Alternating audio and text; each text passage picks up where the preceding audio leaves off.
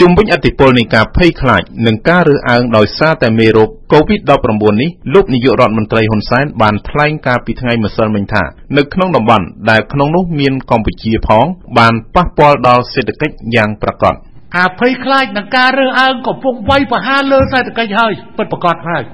ឥឡូវយើងឃើញតំបន់របស់យើងត្រូវរងចាំវិបត្តិមកដល់មិនចាំបាច់រងចាំទេវាមកដល់រួចស្រេចទៅហើយរឿងកើតចេញពីអី រឿងកើតចេញពីការខ្លាចជ្រុលនិងការរើសអើងនាំដល់វិបត្តិដំបូងបំផុតវាយផាំងទៅលើទេសចរប្រោវាយផាំងទៅលើទេសចរមិនថាប្រទេសណាទេធ្លាក់ទេសចរទាំងអស់រាប់ទាំងកម្ពុជាធ្លាក់ទេសចរទាំងអស់អើពួកអឺរ៉ុបអត់មកអាស៊ីដោយសារតែខ្លាចឆ្លងទេសចរអឺរ៉ុបអត់មកអាស៊ីទេឯពួកអាស៊ីអ្នកដែលធ្វើដំណើរច្រើនជាងគេគឺចិន120លានទៅដល់150លានអ្នកនោះ ដែលចេញធ្វើដំណើរចេញមកទស្សនកិច្ចនៅកម្ពុជា ដែលឆ្នាំកន្លងទៅនេះយើងមានជាង2លានអ្នកជនជាតិចិនមកលេងស្រុកខ្មែរថៃប្រមាណ10លានអ្នកគ្រប់ប្រទេសទាំងអស់ទេសចរចិនហើយវៀតណាមក៏ទទួលទេសចរចិនច្រើនណាស់លោកនាយករដ្ឋមន្ត្រីហ៊ុនសែនបន្តប៉ុន្តែឥឡូវសន្តាគារមួយមួយភោជនីយដ្ឋានមួយមួយគឺថាតាមក៏អាចចោះចឹងទេចំណុចនេះគឺជាចំណុចវៃបហាទៅលើបញ្ហាសេដ្ឋកិច្ចផាំងទៅម្ដង ហើយវៃដំបូងគឺសេវាទេសចរបន្តទៅស្អីទៀតសេវាដឹកជញ្ជូនហើយដឹកជញ្ជូនស្អីទៀតវាចំអាវត្ថុធាតុដើមសម្រាប់ផលិតតាមប្រទេសនោះធ្ងន់បំផុតអារឿងហ្នឹងហ្មងអញ្ចឹងបានជាខ្ញុំបានប្រាប់កាលពីថ្ងៃទី10ខ្ញុំបានថ្លែងពេលបើកបើកកន្លែងនៅការដ្ឋានស្ថាបនាផ្លូវលេខ2និងផ្លូវលេខ22ថាប្រសិនបើមានការព្យួរបិទរោងចក្របរិអាសន្នណាមួយ មិនមែនមកពីអា EBA នោះទេអា EBA នោះបើបើចូលជាធរមានវាចូលជាធរមាននៅខែសីហាហើយនោះហើយ EBA មិនមែនជារឿងភ័យខ្លាចរបស់កម្ពុជាទេនេះអាកូរ៉ូណាលោកបណ្ឌិតឆេងកំឡុងនាយកនៃមជ្ឈមណ្ឌលនវានុវត្តផ្នែកអភិបាលកិច្ចនិងប្រជាធិបតេយ្យរបស់វិទ្យាស្ថានចក្ខុវិស័យអាស៊ីបើយើងកលេចមើលវាមិនខុសពីនិន្នាការទូទៅ ហើយភាគច្រើនការភ័យខ្លាចដោយសារតែការទុះឡើងការរីករាលដាលនៃជំងឺហ្នឹងប៉ះពាល់ទៅលើក្រៅពីតែវិស័យទេសចរយើងនៅមានវិស័យផ្សេងៗទៀតដែលបំរើឲ្យទេសចរហើយក្រៅពីនោះទៀតអឺបាទវិស័យផ្សេងផ្សេងដែលបំរើឲ្យវិស័យទេសចររួមទាំងវិស័យទេសចរមានដូចថាផ្នែកដឹកជញ្ជូនផ្នែកសន្តាគារផ្ទះសំណាក់ទាំងអស់ហ្នឹងហើយនឹងពនិខានអីអាហ្នឹងយើងថាប៉ះពាល់ហើយហើយទៅនឹង ឧស្សាហកម្មផ្សេងផ្សេងទៀតដែលជាឧស្សាហកម្មផលិតមហូបអាហារភេសជ្ជៈមានអាហារបម្រើឲ្យឧស្សាហកម្មទេសចរហើយនៅផ្នែកឬក៏វិស័យដែលបម្រើផ្នែកទេសចរទាំងអស់នោះព្រោះថាកាលណាមានតម្រូវការធ្លាក់ចុះឬក៏ការកាត់បន្ថយតម្រូវការពីផ្នែកទាំងអស់នោះធ្វើឲ្យផ្នែកសិប្បកម្មដែលផលិតម្ហូបអាហារទាំងអស់នោះរួមតែគ្រឿងសិប្បកម្មជារបស់អនុស្សាវរីយ៍ផ្សេងៗទៀតក៏ត្រូវប៉ះពាល់អាហ្នឹងយើងមើលតែផ្នែកទាំងមួយសិន លោកបណ្ឌិតគីសេរីវត្តប្រធានមជ្ឈមណ្ឌលសិក្សាចិននិងជាអ្នកជំនាញសេដ្ឋកិច្ចនៃរាជបណ្ឌិតសភាកម្ពុជា។ធម្មតារឿងនេះវាមិនមែនជាការចេតិពលតែលើតែតែមួយទេគឺជាលក្ខណៈសកលបាទដោយសារតែគេហៅថាវិបត្តិសេដ្ឋកិច្ចជាសកលដោយរឿងដែលមានអធិពលនៅសហរដ្ឋអាមេរិកឆ្នាំ2008ហើយវាជះឥទ្ធិពលដល់វិបត្តិសេដ្ឋកិច្ចពិភពលោកនៅឆ្នាំ2009យ៉ាងដូចគ្នាអញ្ចឹងប្រសិនបើមេរោគកូវីដ -19 នេះមិនត្រូវបាន ទប់ស្កាត់ទេហើយអត្រាស្លាប់នៅតែកើតមានឡើងហើយធ្វើឲ្យពិភពលោកមានការភ័យខ្លាចនោះនឹងធ្វើឲ្យជាពិសេសគឺគឺការបង្កើតឲ្យឃើញមានថា ផលិតកម្មរបស់ចិននឹងត្រូវផ្អាកបាទនៅពេលដែលផលិតកម្មរបស់ចិននឹងត្រូវផ្អាកពិភពលោកនឹងខ្វះខាតនៅវត្ថុធាតុដើមសម្រាប់ផលិតព្រមទាំងខ្វះខាតនៅផលិតកម្មដែលគាត់ត្រូវផលិតហើយនាំចេញទៅប្រទេសដទៃទៀតឧទាហរណ៍ថា iPhone ដែលគាត់ត្រូវផលិតនៅប្រទេសចិននាំទៅលក់នៅសហរដ្ឋអាមេរិកនិងលើពិភពលោកក៏ត្រូវលេខបានផលិតដែរអញ្ចឹងក្នុងន័យបែបនេះធ្វើឲ្យជាប់គាំងនៅសេដ្ឋកិច្ចលើគ្រប់វិស័យទាំងអស់បាទ លោកអែមសវណ្ណារាសាស្ត្រាចារ្យវិទ្យាសាស្ត្រនយោបាយ និងទំនាក់ទំនងអន្តរជាតិ ជំងឺ virus corona ហៅថា COVID-19 ហ្នឹងគឺវារីកសាយភាយខ្លាំងធ្វើឲ្យពលរដ្ឋហ្នឹងទាំងអស់គ្នាទៅលើសកលលោកមិនតែពលរដ្ឋកម្ពុជាបាត់ជំនឿទៅលើអាជ្ញាធរមានសមត្ថកិច្ចហើយដោយឡែកនៅកម្ពុជាអាជ្ញាធរស្ថាប័នកម្ពុជា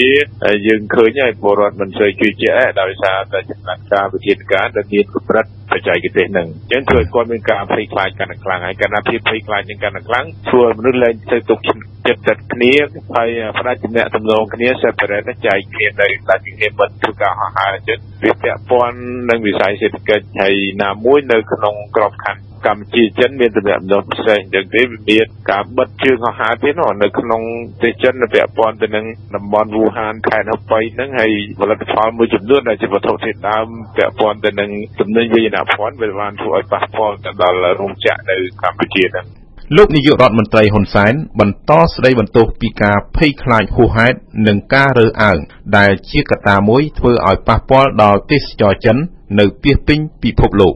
កំណើនសេដ្ឋកិច្ចដែលមុននេះមានភាពមិនចាស់ផ្លោះដោយសារសង្គ្រាមពាណិជ្ជកម្មរវាងសហរដ្ឋអាមេរិកនិងចិន វាត្រូវបានបន្ថែមមួយបំណងទៀតទៅលើភាពមិនច្បាស់លាស់ស្ដីអំពីបញ្ហាតាក់ទងទៅនឹងជំងឺភ័យខ្លាចនឹងការរើសអើងនេះ បើត្រឹមតែកូវីដ -19 វាវារឿងមួយហើយវាត្រូវព្យាបាលវាត្រូវការពារវាត្រូវសហការគ្នាក៏ប៉ុន្តែជំងឺភ័យខ្លាចនឹងការរើសអើងគឺបាននាំទៅដល់ការប៉ះទង្គិចធំណាស់ទេសចរចិនផ្អាកដើរលេងទៅក្រៅប្រទេសគ្រាន់តែទេសចរចិនមួយអាចនឹងធ្វើឲ្យរង្គោះរង្គើទៅដល់ប្រព័ន្ធទេសចរតាមប្រទេសជាច្រើនតាមប្រទេសជាច្រើនលោកបណ្ឌិតគីសេរីវត្ត យល់ថាវីរុសកូវីដ -19 នៅតែអាចគ្រប់គ្រងបាន តែវាក៏ជារំញោចសេដ្ឋកិច្ចពិភពលោក ប្រសិនបើសេដ្ឋកិច្ចចិនដួលខ្ញុំជឿថារឿងនេះនឹងមិនបន្តយូរទេពីព្រោះដោយសារយើងក្រឡេកទៅមើលវីរុសកូវីដ -19 ដែលឆ្លងទៅតាមប្រទេសផ្សេងៗមានតែពីរទេដែលបានស្លាប់ហើយក្រៅពីនោះប្រទេសផ្សេងទៀតអត់មានអ្នកណាស្លាប់ទេគឺទី1គឺជប៉ុនស្លាប់ម្នាក់ហើយនឹងនៅហុងកុងស្លាប់ម្នាក់ផ្សេងពីនោះអត្រាស្លាប់គឺមានតែនៅក្នុងប្រទេសចិនតែអញ្ចឹងមានន័យថា មេរោគកូវីដ -19 នេះយើងមិនដឹងពិតប្រាកដថានៅប្រទេសចិនស្លាប់យ៉ាងម៉េចទេតែនៅប្រទេសផ្សេងៗហេតុអ្វីក៏អត់ស្លាប់អញ្ចឹងខ្ញុំនៅតែយល់ថាវីរុសកូវីដ -19 ហ្នឹងនៅតែអាចគ្រប់គ្រងបានហើយនៅក្នុងពេលដ៏ខ្លីខាងមុខវានឹងបញ្ចប់ត្រឡប់ទៅវិញតែវាគឺជាការបង្កើនឲ្យឃើញថាអធិពលរបស់ចិនឬក៏ការដួលរលំនៃសេដ្ឋកិច្ចចិនអាចនឹងធ្វើឲ្យដួលរលំនៃសេដ្ឋកិច្ចពិភពលោកបាទនេះគឺជារំញោចមួយដែរ លោកបណ្ឌិតឆេងកំឡុងលើកជាទឡៃករជុំវិញអ្នកទេសចរដែលបានធ្វើដំណើរតាមនាវា Westerdam ហើយដែលកម្ពុជាអនុញ្ញាតឲ្យចូលចត និងបន្តដំណើរតាមយន្តហោះខ្ញុំថាបើសិនជាក្នុងតែករណីបច្ចុប្បន្ននេះវាអត់ទាន់ច្បាស់ដែលផលប៉ះពាល់ឧទាហរណ៍ថាចេះបើខ្ញុំយើងឲ្យឧទាហរណ៍វិញតែជាច្បាស់ជាងបើសិនជាក្នុងករណីក្នុងចំណោមនិវត្តហើយនឹងភ្ញៀវទេសចរដែលស្ថិតនៅលើកប៉ាល់ Westerdam នោះក្នុងចំណោមជាង2000នាក់នោះហើយមានតែម្នាក់ពុតដែលគាត់បានចាក់ចេញពីប្រទេសកម្ពុជាទៅបាត់ហើយហើយឥឡូវគាត់ស្ថិតនៅក្នុងការតាមដាននិងការត្រួតពិនិត្យនៅក្នុងប្រទេសម៉ាឡេស៊ីហើយមកថាបើក្នុងករណី10ថ្ងៃទៅទៀតអត់មានករណីកើតឡើងនៅក្នុងចំណោមទេសចរហើយនឹងក្រុមនិវត្តជាង2000នាក់ទាំងអស់នៅលើកប៉ាល់ទេរួមទាំងអ្នកដែលចាក់ចេញទៅរួមទាំងអ្នកនៅស្រុកខ្មែរខ្ញុំឃើញថាពេលនោះរដ្ឋាភិបាលអាចយើងលើកទៀតទៀតតែហើយក៏អះអាងថាប្រហែលជាមានតែម្នាក់ទេហើយมันមានបានឆ្លងដល់ប្រជាជនខ្មែរណាឬក៏มันមានករណីឆ្លងដែលដោយសារតែអ្នកជាង2000អ្នកផ្សេងទៀតក្រៅតែអ្នកនោះអញ្ចឹងមានន័យថាពេលនោះអាចធ្វើឲ្យមានការសំណុកស្រួលចិត្តទៅដល់សាធារណជនទៅដល់ភ្ញៀវទេសចរដល់ពុទ្ធិបរិជនដែលបានត្រៀមមានផែនការមកធ្វើទស្សនកិច្ចនៅស្រុកខ្មែរលោកបណ្ឌិតឆេងកំឡុងបន្ត ប៉ុន្តែផ្ទុយទៅវិញបើសិនជាវាអាចនឹងមានករណី2នាក់3នាក់4នាក់5នាក់ទុះឡើងទៀតហើយគេរកឃើញថាវាពាក់ព័ន្ធទៅនៅក្នុងចំណោមនិវត្តក្រុមនិវត្តហើយនឹងភ្ញៀវទេសចរទាំងអស់នោះអានឹងបានយើងអាចនិយាយបានថាផលប៉ះពាល់វាអាចប្រហែលជាធំដោយសារតែមានការភ័យខ្លាចឆ្លងខ្លាំងហើយការរអាដោយសារតែគេអាចគិតថាទីមួយទៀតដោយសារប្រទេសយើងជាប្រទេសដែលកំពុងអភិវឌ្ឍហើយជាទូទៅគេអាចចោទថាអឺ ស្ថាប័នណាហើយនឹងសមត្ថភាពរបស់ស្ថាប័នរបស់យើងក្នុងការគ្រប់គ្រងទៅនឹងការរីករាលដាលនៃជំងឺហ្នឹងដែលមានខ្សោយដោយសារប្រទេសយើងជាប្រទេសកំពុងអភិវឌ្ឍដោយតែលោកនាយក WHO អង្គការសុខភាពពិភពលោកនោះគាត់បានអះអាងហើយនឹងមន្ត្រីផ្សេងផ្សេងទៀតរបស់អសហគមន៍អន្តរជាតិក៏បានអះអាងថាវាអាចនឹងទុះឡើងរីករាលដាលនៅពេលក្រោយនៅក្នុងប្រទេសណាដែលមានសមត្ថភាព